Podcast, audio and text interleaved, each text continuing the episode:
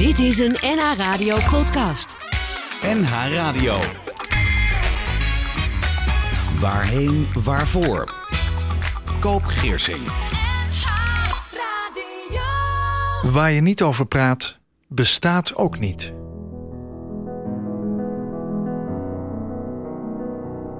Welkom bij een aflevering van Waarheen Waarvoor op NH. Ik ben Koop Geersing, je gastheer, en ik heb vandaag een bijzondere gast naast me. Samen voeren we diepgaande gesprekken over kindermishandeling. Over pijn, verlies, loslaten en een nieuwe start maken.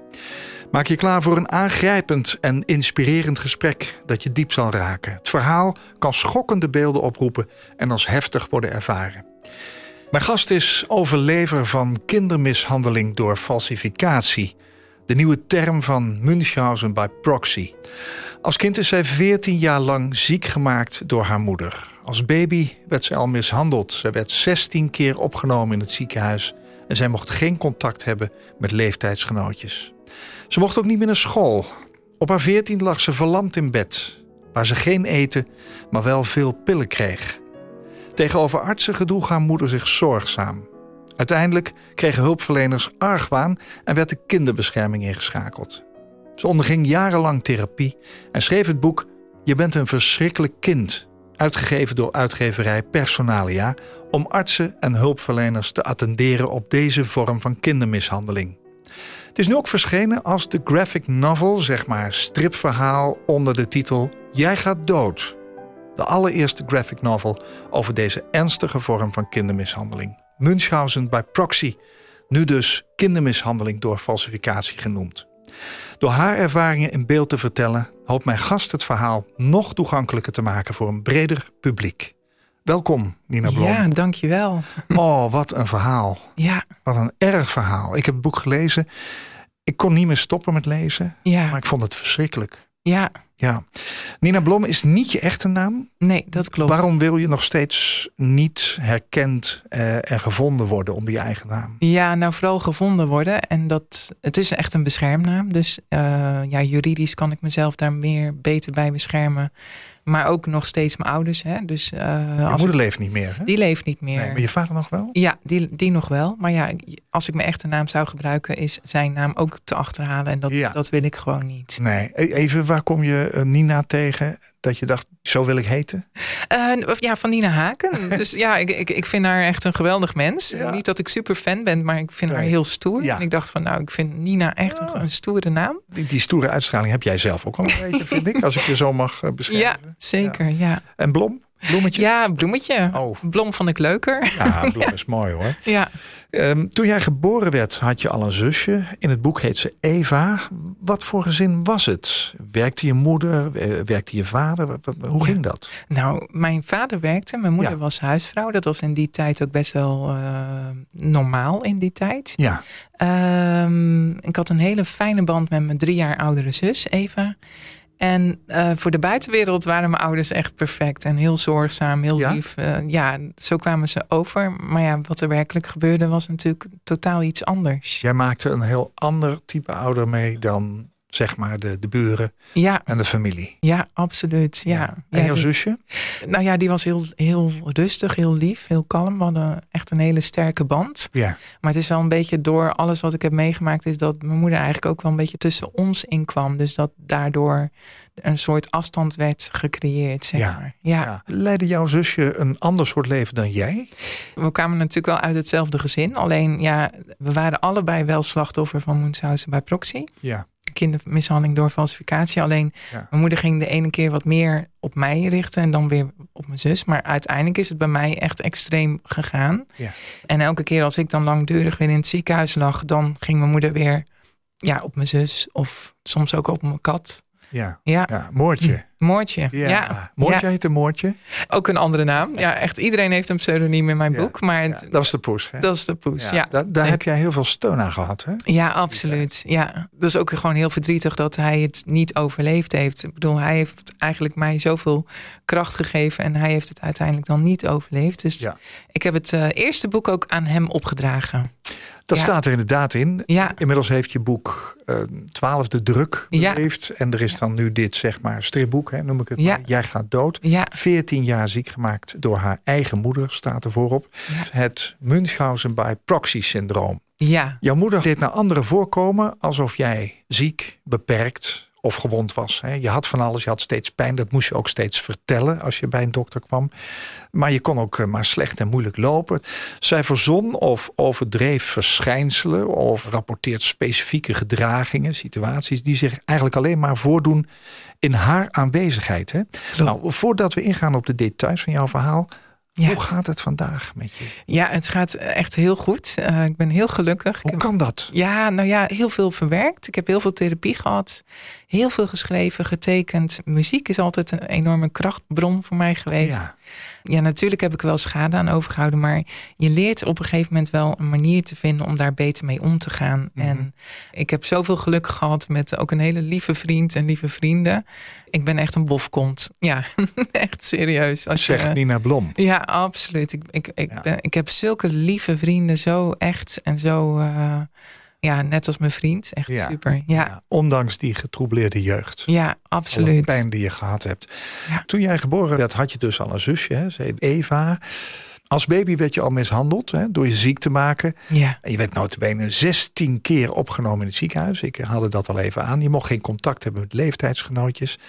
En op een gegeven moment ging je ook niet meer naar school. Hoe ging je moeder te werk? Hoe werd je ziek gehouden? ja het, het werd eigenlijk. ehm, dat vind ik ook wel heel belangrijk om te vertellen. Dat als je nog heel jong bent, dan kun je nog niet zoveel mondeling toelichten als kind. Dus Je denkt Eh, ook dat het zo hoort waarschijnlijk. Ja, je denkt misschien ook wel dat het zo hoort. Maar ik was best wel een mondig kind. Dus ik, op een gegeven moment ging mijn moeder steeds drastischer te werk. Ja. Dus ik werd ook echt gestraft als ik me niet ziek genoeg had gedragen bij een dokter. Wat moest je dan zeggen bijvoorbeeld? Nadat ik buikpijn had, daar begon het ook echt mee. eh, met, met buikpijn. En, eh, En dat had je niet. en dat had ik niet. Nee. Nee. En ja, misschien dat ik het op een gegeven moment wel een beetje kreeg. Omdat mijn moeder ook laxeermiddelen Ja. gaf. Dus dan krijg je op een gegeven moment ook echt klachten. Dus dat is dat een moeder dus echt een ziekte veroorzaakt. Hè, door door ja, gif toe te dienen, zeg maar. Ja, en als je het maar lang genoeg vertelt, Ja, dan ben je als kind misschien wel geïndoctrineerd. ja, ik werd ook absoluut geïndoctrineerd. Maar toch is er altijd wel iets in mij geweest...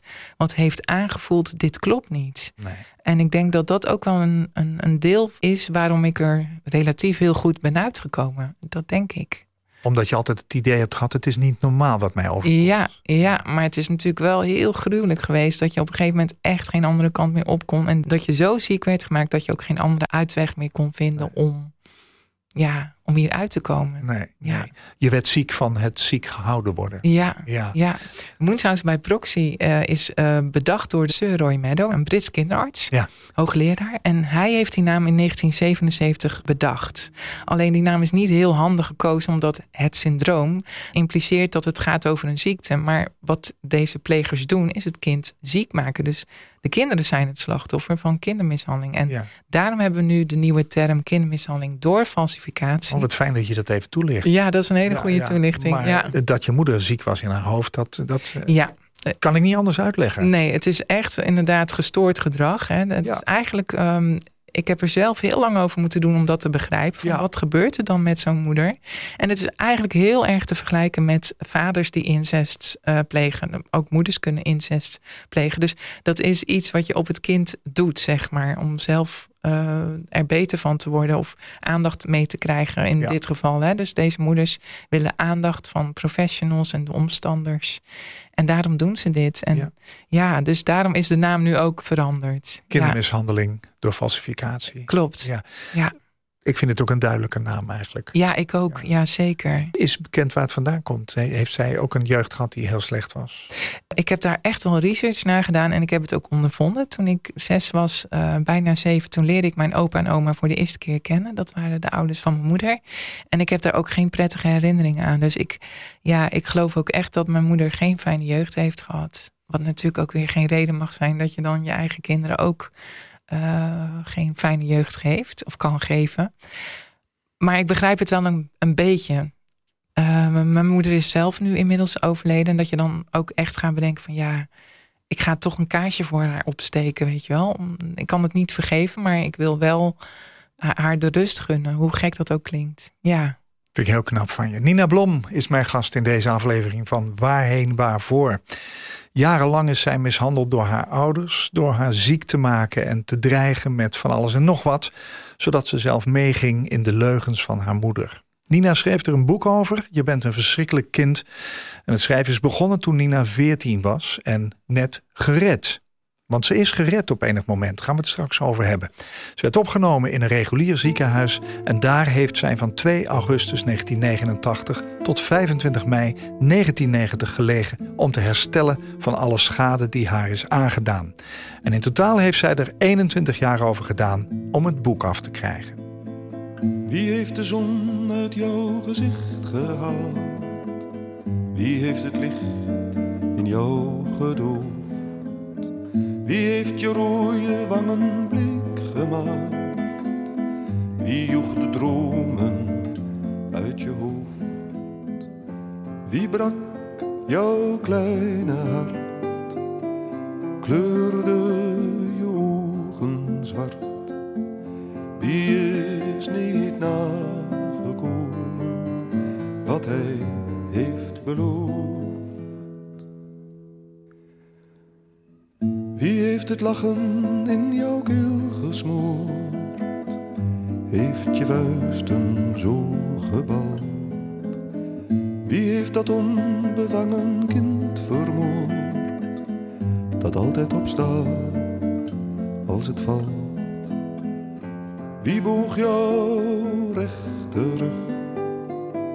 Trapte je speelgoed stuk?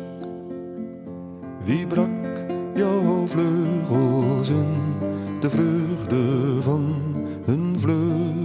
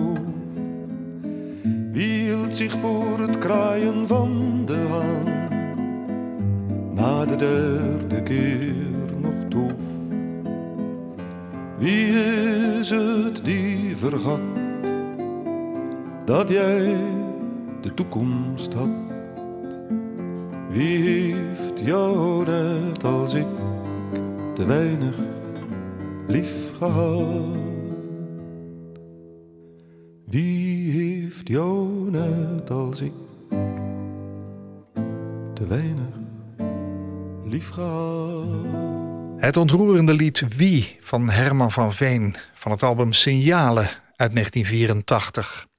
Het is een cover van Le Craie dans l'Encrier, dat geschreven werd door zangeres Catherine Lara en tekstschrijver Daniel Boubil.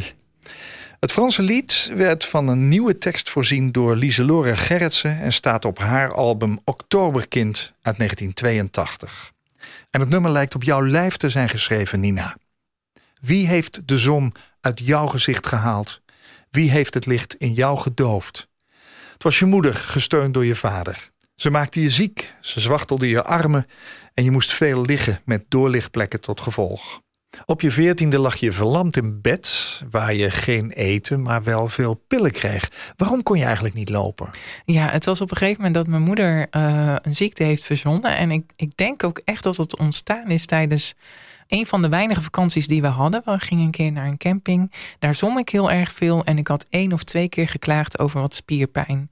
En mijn moeder heeft dat gezien als, oh, Nina heeft reuma of Later dan dacht ze een spierziekte. Dat dacht zij ook werkelijk? Dat dacht zij ook werkelijk. Alleen ik denk wel dat ze heel wel overwogen ook te werk ging. Dus dat ze dacht van nou, nou, nou is het moment om weer een nieuwe ziekte te kiezen. Hè? Dus Ja. de buik was een beetje weggezakt. Want ja, daar werd elke keer niks voor gevonden. Ja. En dan komt er weer een nieuw iets. En dat is ook absoluut een, een kenmerk van deze vorm van kindermishandeling. Dat er altijd wel weer iets anders aan de hand is. Dus Dat is nooit tevreden. het is nooit tevreden. Het, het houdt nooit op. Ook. Ze loopt natuurlijk ook tegen artsen op die zeggen, ja, maar er is niks. Precies, ja. Ja. Dus, Je ja. kreeg ook continu pillen dus van je moeder. ja, Hoe kwam zij aan die pillen? En, wat deden ze met je? Wat- Ja. wat voor- weet je ook wat voor medicatie het was? Ja, en vooral het laatste stuk weet ik, dat, wa dat waren hele gevaarlijke medicijnen. Maar ze heeft me ook echt spierverslappers gegeven, waardoor ik dus ook echt verslapte. Dan moet je voor naar de apotheek. Hoe deed ze dat? Ja, nou, ik, het is nog steeds een, an- een een vraag waar ik geen antwoord op heb. En dat vind ik echt heel lastig, omdat je wil antwoorden krijgen. Ja. Ik weet wel uit jouw boek dat jouw moeder ook eh, ziekelijk was, zullen we maar zeggen. Hè? Die Ja. wel eens een keer dit en dan een keertje dat en zo. Ja, Zou het kunnen zijn dat zij die pillen voor zichzelf vroeg? nou, dat zou heel goed kunnen. Dat is ook wat ik heel vaak met andere professionals bespreek of eh, advies vraag van hoe zou dat kunnen komen. Ja. En die, die geven dat ook aan. Dat zou kunnen dat het ook voor eigen gebruik en dat ze haar eigen pillen aan mij heeft gegeven. Of dat ze, ja, het is me echt een raadsel. Maar zover kunnen deze plegers dus gaan. Dat vind ik wel heel belangrijk om, om ook te vertellen. Ja. ja, Ja, ja, sterker nog, de pillen waren niet alleen maar om je ziek te maken, maar ja, uiteindelijk waren het ook pillen waar je aan zou overlijden. ja Er zeker. werd over euthanasie gesproken. Ja, zeker. Ik kreeg inderdaad het middel Vesparax. En dat is een middel wat in de jaren 70 en 80 gebruikt werd als slaapmiddel. Maar het kon ook ingezet worden om een leven te beëindigen. Jongen, jongen, Ja, jongen, je eigen kind dus zo ver gaan dat ze overlijdt. ja, Ja. ja. Je moeder dreigde ook steeds met van alles, lees Ja. ik, in beide boeken. Hè? Is Klopt. een gewoon boek wat je geschreven hebt, ik maar zeggen. Daar ben je in 2011 mee eh, naar buiten gekomen. Ja, En er is inmiddels een twaalfde druk van verschenen. Nina Blom schrijft, je bent een verschrikkelijk kind. Dat is de titel van het boek. Het is Ja. iets wat je moeder ook vaak zei. ja, klopt. En het andere boek, eh, wat zeg maar hetzelfde boek is, maar dan in stripvorm. Daarmee wil je een jonge publiek bereiken. Dat heet Jij gaat dood, want dat zei ze dus ook. Ja, en als je dat eh, te horen krijgt, hè, d- daar was ze van overtuigd dat ik ook echt doodging. En niet heel veel later dacht ik zelf ook dat ik doodging. Dat is zoiets eenzaams en verdrietigs. Dat je, een van de dingen die ik ook heel erg aan mijn moeder merkte, is dat ze daarvan leek te genieten ook. Alsof ze daar een soort berusting uithaalde van, ja, nu heb ik wel gewonnen, want nu hebben we wel iets gevonden bij jou, Ja. weet je wel? Ja, Ja, het is niet gelukt. Je het zit is hier. niet gelukt. Nee. Ik zit hier, ja. Ze was ook verbaal nogal aanwezig. Hè? Ja. Ik maak je af als Ja. je niet luistert. Ik snij je in stukken. Ik haal nu een mes, lees ik op een gegeven moment. Maar ook je maakt ons gezin kapot. Ja. Dus het, het voeden van, van schuldgevoel lijkt mij. Ja. Wat, wat deed dat met jou? Ja, dat heeft me heel veel gedaan. En ik moet je eerlijk zeggen, dat is zo manipulatief en zo. Je raakt jezelf kwijt. Dus ik, ik, ik begon mijn intuïtie ook een beetje kwijt te raken. Dus dat gevoel wat ik had van het klopt niet helemaal. Ik begon steeds meer te voelen van misschien ben ik wel inderdaad een verschrikkelijk kind. Misschien ben ik wel degene die dit allemaal veroorzaakt. En dat is zo niet te beschrijven dat dat dus met jou gebeurt. Dus dat je overal schuldig over gaat voelen en rot over gaat voelen. En een van de dingen die er ook bij kwam, is dat ik in het ziekenhuis ook door de artsen als aanstelster werd gezien. Dus daarin voelde ik me ook al heel slecht tussen aan haar. Hoe ging dat met zo'n Ja. doktersbezoek? Want ja, als je Ja. ziek bent moet je naar de dokter. Ja, Je moeder zeker. gaat mee. Ja, moeder Eh, gaat mee. Jij moet klagen. Ik moet klagen. Maar dan krijg je toch onderzoek? Ja, ik werd onderzocht. Ik kreeg onderzoeken. Maar het was altijd mijn moeder die heel dominant aanwezig was. Dus haar donkere ogen zeiden mij, terwijl de dokter met mij bezig was met onderzoeken. Dus achter de rug van de dokter om, eh, zat ze signalen uit eh, te geven naar mij. Ja, heel boos. En dat, dan wist ik al van, oh, ik doe het niet goed. Je werd gestuurd met haar Ik, ogen. ja, absoluut. En Ja. hoe ouder ik werd, hoe erger dat ook, ook eh, begon te worden. Ja. Maar ja, een dokter kon de hele tijd niks vinden. Dus dat, dat is eigenlijk eh, waardoor mijn moeder elke keer weer naar een volgende arts op zoek ging. En dat we gingen verhuizen. En dan kon het weer helemaal opnieuw beginnen. En ja, dus ik werd blootgesteld aan hele nare, ingrijpende onderzoeken. En dat keer op keer. Ja, en op een gegeven moment, ja, wat dat met je doet, het, het is niet te beschrijven. Verdrietig, eh, angstig. Had je iets aan je zusje op dat moment? Ik heb heel moment? veel aan mijn zus gehad. Ja. Eh, alleen, ja, mijn moeder was wel eh, heel gewiekst dat ze ook tussen ons inkwam. Dus ook het contact tussen mijn zus en mij ging ja, uit elkaar, zeg maar. Ja, Ja, ja. Daar speelde je vader ook een rol in. Hè? ja, ja. is meegegaan in heel veel van die dingen. Terwijl je zou kunnen zeggen, als je twee partners bent, je ziet dat het anders gaat dan je hart je ingeeft, dan ga je daarover praten met elkaar. Ja. Het zal ook wel regelmatig ruzie, begrijp ik. Ja, Je vader kon heel driftig zijn. Ja. Hoe wist je toch te overleven in deze hel? Eh, heb je Ja. nooit gedacht aan weglopen of zo? Ja, daar heb ik wel eens aan gedacht. Maar op een gegeven moment kon ik dat letterlijk ook niet meer. Dus eh, ja, dat klinkt heel gek. Maar door wat ik heb meegemaakt, ontstond er ook echt een conversie. En dat houdt in dat je, als je iets heel traumatisch meemaakt, dat je dan echt een blokkade krijgt, waardoor je niet meer kunt bewegen.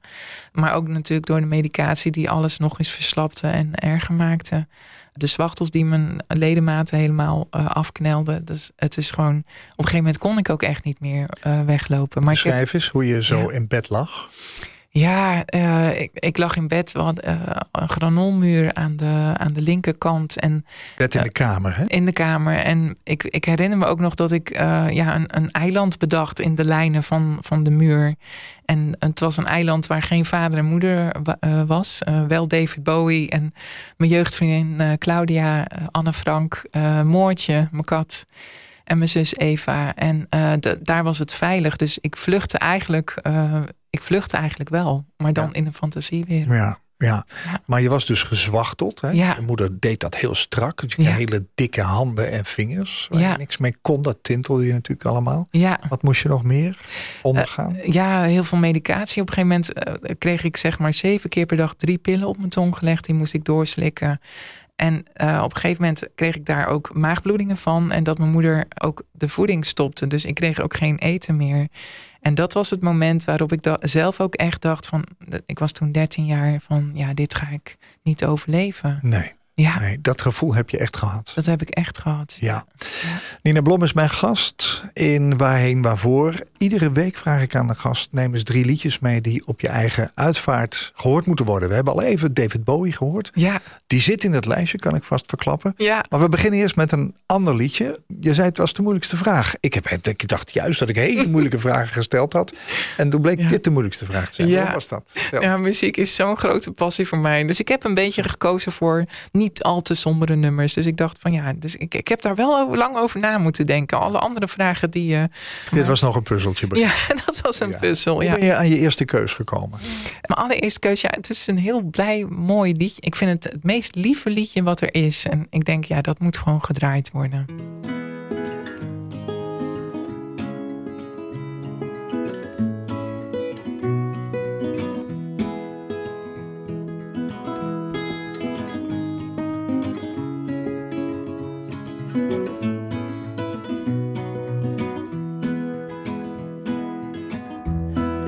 First day of my life. Swear I was born right in the doorway. I went out in the rain, suddenly everything changed. They're spreading blankets on the beach. Yours is the first face that I saw. I think I was blind before I met you. I don't know where I am, I don't know where I've been, but I know where I want to go. And so I thought I'd let you know. Yeah, these things take forever, I especially am slow.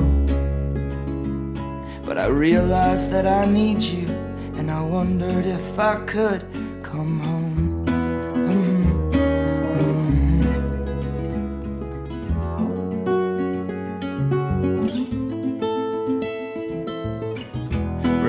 time you drove all night just to meet me in the morning? And I thought it was strange, you said everything changed. You felt as if you just woke up. And you said, This is the first day of my life. I'm glad I didn't die before I met you. But now I don't care, I could go anywhere with you. And I'd probably be happy. So if you wanna be with me, if these things there's no telling, we just have to wait and see. But I'd rather be working for a paycheck than waiting to win the lottery.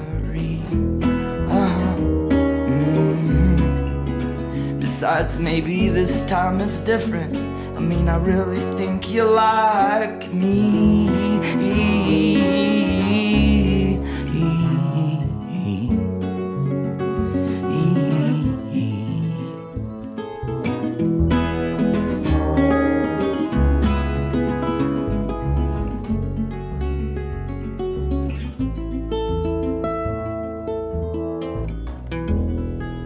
First Day of My Life, Bright Eyes. Schrijver Conor Oberst beschreef het als een lied over wakker worden uit een lange nachtmerrie. Over verliefd worden en het begin van een betekenisvolle relatie die aanvoelt als een wedergeboorte. Ja. Dat is al op jouw lijf geschreven. nou, dat is het oh, absoluut. Ik had ook echt kippenvel uh, tijdens het Ja, een heel mooi liedje. Ja, mooi hè? Maar ook heel lief. Ja, zeker. En, en, liefde heb je wel nodig, hè? Ja. In de rest van je leven. Ja, dat heb je echt nodig. Kun je liefde geven ook? Ik kan wel liefde geven, absoluut. Dat geloof ik wel. Ja. Nou, dat is ook een van de dingen die ik bijzonder vind in het boek. Dat als je het leest, dan ben je zelf volwassen met afstand. Maar als je erin zit, is het wat anders jij blijft je moeder op de een of andere manier ook beschermen.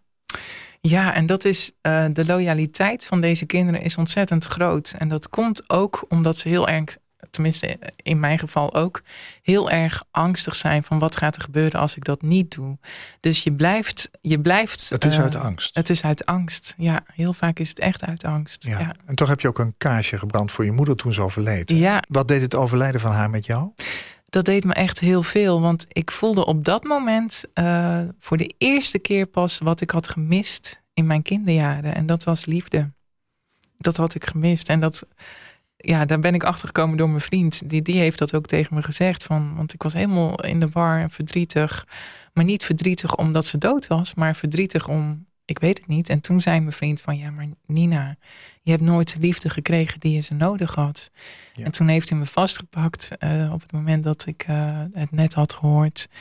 En hij heeft me getroost en, en dat gezegd. En toen dacht ik van, ja, ik heb nu wel de liefde, weet je. Dus dat was een ja. heel warm, helend moment. En ik dacht ook van, ja, ik moet hier iets mee. Ja. En toen, uh, toen heb ik een kaarsje uiteindelijk gebrand. Heeft dat je geholpen ook? Ja. Ja. ja. Je zou kunnen zeggen dat je helemaal geen moeder gehad hebt. En ook geen vader. Ja, dat, zo zou je het ook kunnen zeggen. Maar ook, ook tijdens het ka kaarsje opsteken heb ik een liedje gedraaid van Eindzame Heerte van James Last. James Last, ja. Uh, ik heb dat liedje gewoon spontaan gekoppeld aan herinneringen die ik had bij mijn moeder toen we bij de tandarts zaten. Nou, de, en ik vond het ook gewoon een heel passend liedje. Zoals Zamvier ja. op de panfluit. Ja, ja zeker. Ik, ja, ja. Ik kan wel iets bij voorstellen. Ja. ja. Op een gegeven moment in je leven, je zei het net al, wilde je dood. Ja. Niet omdat je dood wilde, maar je wilde in ieder geval van die ja. pijn af. Ja. Dan is het maar voorbij allemaal. Hè? Ja. En je ouders die waren, heb ik al verteld, voorbereid op een euthanasie. Hoe kan het dat het jaren duurde voordat een hulpverlener een arts in de gaten kreeg? Ja. 16 ziekenhuisopnames. Ja. Was blijkbaar ook nergens contact met elkaar. Ja. Voordat een arts in de gaten kreeg dat er iets niet klopte. Ik bedoel, alle onderzoeken wezen uit dat er in feite niks aan de hand was. Ja. Lichamelijk. Ja, klopt. Er werd nog wel gedacht dat er geestelijk met jou misschien van alles Ja. was. Maar Ja. wie koppelde uiteindelijk jouw probleem aan je moeder? Ja, en dat is echt een dokter geweest waarin ik het boek, het tweede boek, Jij gaat dood, heb opgedragen. Dat is dokter Vrienden. Ja, Eh, de beste man eh, heeft mijn leven gered, maar hij, zag, hij doorzag ook het gedrag van mijn moeder. En hij eh, dacht al snel aan toen de tijd nog Moenshuizen bij Proxy. Omdat hij dus ook andere ziekenhuizen heeft benaderd, geïnformeerd. En ontdekte dat er gewoon niks met mij aan de hand was. En hij wilde nog één keer een onderzoek doen. Dat was een spierbiopt. Om echt zeker te weten dat er niks aan de hand was. En toen ja, is hij eigenlijk actie gaan ondernemen om mij uit dat huis te krijgen. ja. Ja, Wanneer was jouw eerste contact met die doktervrienden? ja Is dat, dat wel zijn echte naam trouwens? dat is niet zijn echte naam. Nee, helaas. Eh, Ik heb, ik heb de naam ge- ge- gegeven omdat hij echt een kindervriend is. Ja. In mei 1988 heb ik hem voor de eerste keer ontmoet. Hoe oud was je toen? Ik was toen 13 jaar, eh, net 13. En eh, Weer één van de vele artsen. Een van de vele artsen. Dus eh, ik was ook heel bang om contact met hem te maken. Want ik dacht, ook deze dokter gaat een hekel aan mij krijgen. Ja, zo, zo Op de hand dat. van je moeder. Ja, zeker. Alleen dat gebeurde niet. Hij bleef contact met me houden. Hij bleef proberen om contact met me te krijgen vooral.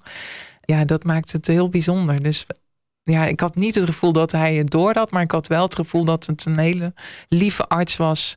En niet wetende dat hij al bezig was om mij te redden op dat moment. Daar was Ja. al mee bezig. Daar was hij bezig om een plan uit te maken, eh, Ja. uit te, te werken. Waren er ooit momenten in jouw leven dat een verpleegkundige of zo met jou een gesprek aanging van joh, ehm, ik heb dat contact tussen jou en je moeder eens even geobserveerd. Mhm.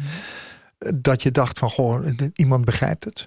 Nee, ja, en misschien zijn er wel kleine momentjes geweest, maar ik durfde dan eigenlijk op dat moment weer net niet daarop in te gaan of Een stap te zetten. een stap te zetten. Ja, Ja. dus eh, en ik heb het ook wel eens gemist, dat zeg ik heel eerlijk, dat mensen ook niet hebben gevraagd aan mij van goh, hoe is het contact eigenlijk thuis? Je durfde niemand ook aan te spreken. Nee. moeder was er ook altijd bij, begrijp Die was er dus altijd bij. En Mocht zij ook ook slapen in het ziekenhuis en zo? Ja, ja de, ze, dan had ze zo'n inklapbed en dan lag ze naast me. En dan Ja. hield ze me ook echt letterlijk wakker van... eh, ja, hoe weet je als je in slaap valt? Want ze moeten hier zien hoe ziek je bent. Dus dat je ook Door niet... te slapen, slaapgebrek, weet je nog zieker Ja, natuurlijk. zeker. Ja. Ja.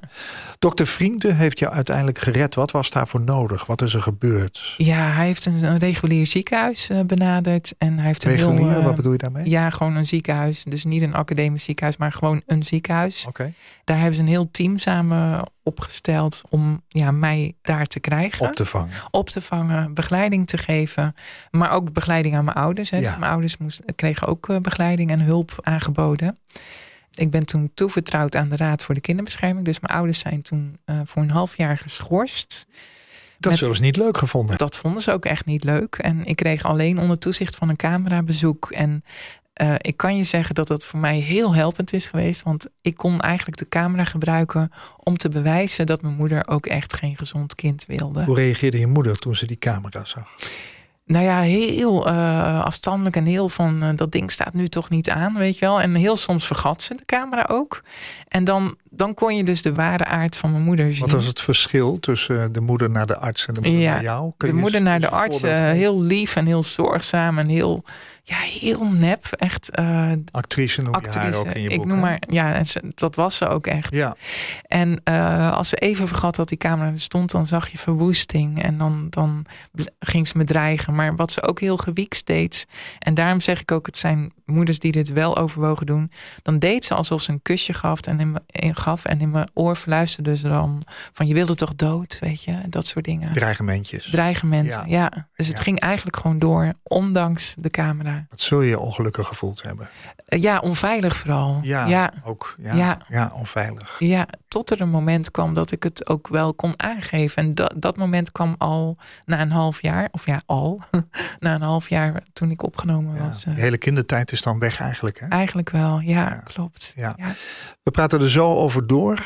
Het is een heel ingewikkeld verhaal ook. Omdat je bijna niet kan begrijpen dat iemand zoiets doet. Het is jou overkomen. David Bowie, we hebben hem al even genoemd. Tweede liedje van drie liedjes die jij meegenomen hebt. Die op jouw eigen uitvaart mogen klinken. Dan zetten we hem ook wat harder. Ja, En van Bowie heb je iets bijzonders uitgezocht. Vertel. ja, nou ja, ik dacht eerst in, in eerste instantie dacht ik natuurlijk eh, Heroes. En nu dacht ik aan, ik, ik heb vorig jaar een prachtige documentaire gezien, Moon Age Daydream. Ik vind het zo'n fantastische versie, ook zo inspirerend. En ik word daar zo blij van. Dus ik dacht, dit nummer mag gedraaid worden. Moon Age Daydream.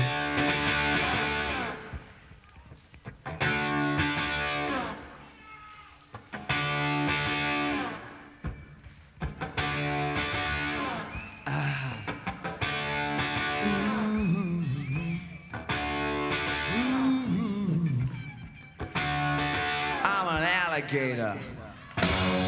I'm a mama papa calling for you. I'm the space invader. I'll be a rock and roller bitch for you.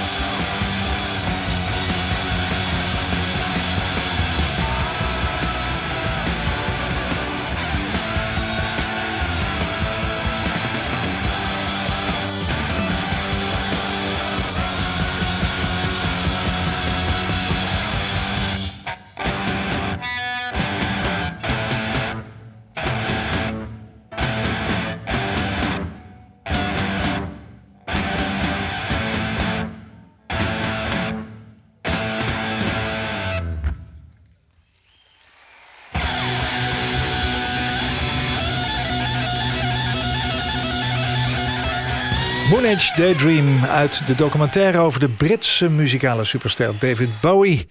Die met volledige medewerking van Bowie's familie is gemaakt in 2022. Bowie schreef Moon Age Daydream specifiek voor modeontwerper Fred Burrett.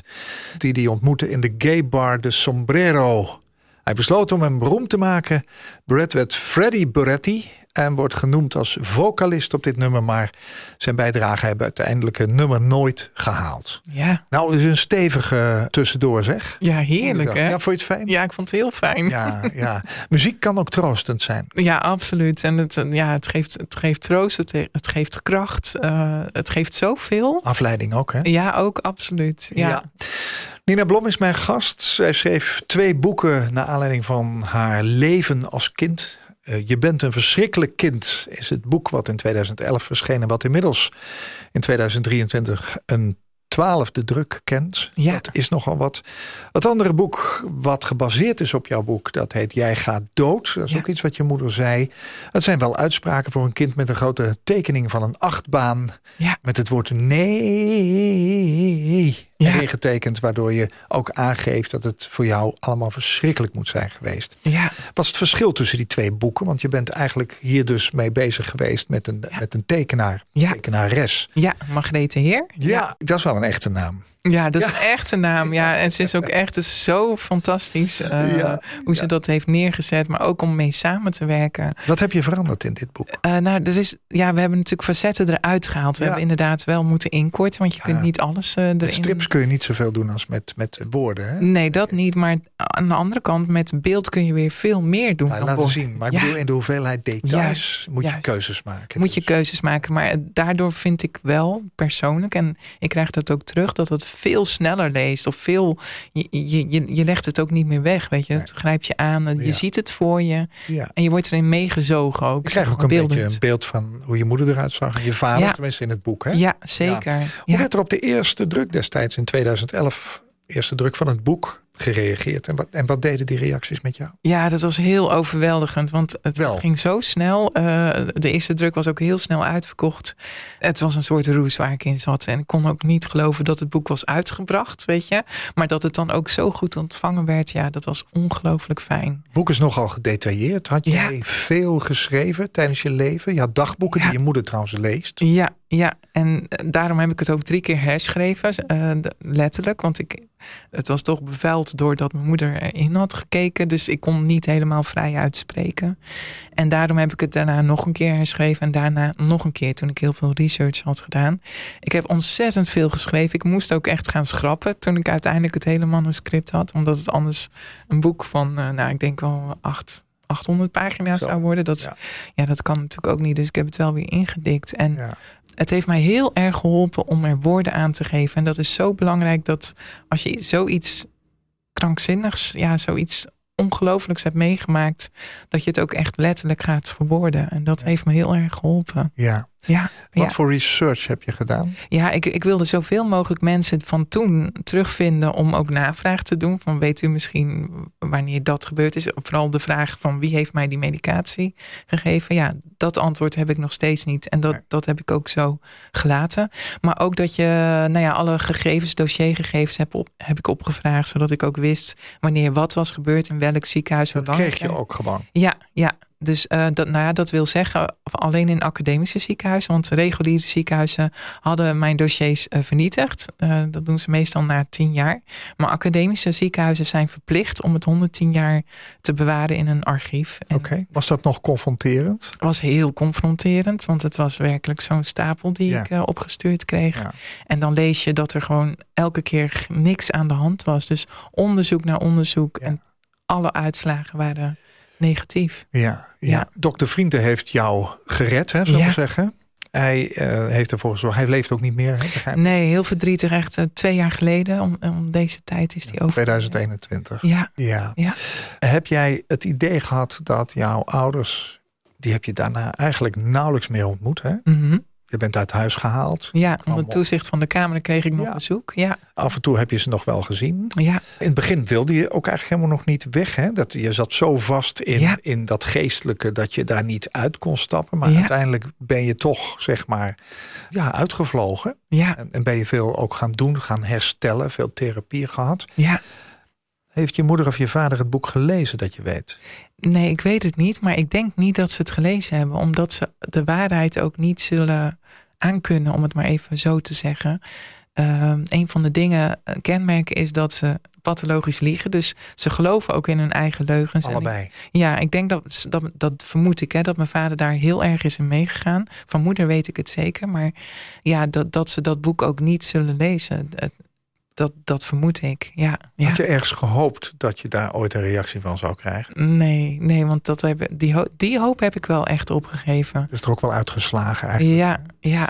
Hoe heeft het schrijven van het boek jouzelf zeg maar, verder geholpen in je persoonlijke proces? Ja, nou ja, echt wat ik net zei, letterlijk en woorden aangeven. Het van je afschrijven. Uh, maar ook uh, de missie die ik zo voel om andere mensen er ook mee te helpen. Want als je zoiets hebt meegemaakt, ja, ik wilde dan ook, ook ja, ik voelde ook van hier moet ik iets mee, hier wil ja. ik iets mee. Zodat andere kinderen die nu slachtoffer zijn, maar ook overlevers, maar ook professionals die hier te maken mee krijgen. Uh, ook geholpen en gezien worden. Eerder gezien worden, zo moet ik het zeggen. Ja, er zijn heel veel mensen die zelf soortgelijke ervaringen hebben. Die hebben zich natuurlijk bij jou gemeld. Ja. Tot bekende Nederlanders toe. Hè? Die schrijven ja. ook een stukje in dit boek. Ja. Hoe nu verder?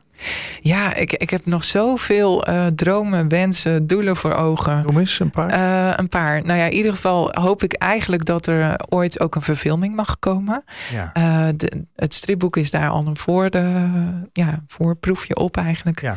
En omdat je dan weer een groter publiek bereikt. En dat we misschien ook internationaal mogen gaan, ook naar het buitenland. Ja. Ik hoop dat er nog heel veel mooie voorlichting, lezingen mogen komen.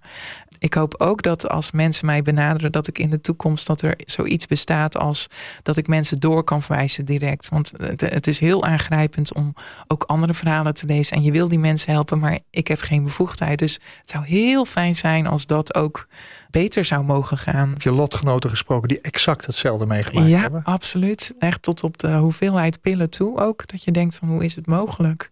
Dus ja, ook daarin heb ik veel research gedaan van wat is het gedrag van die moeder. Dus ik heb ontzettend veel kennis en ja.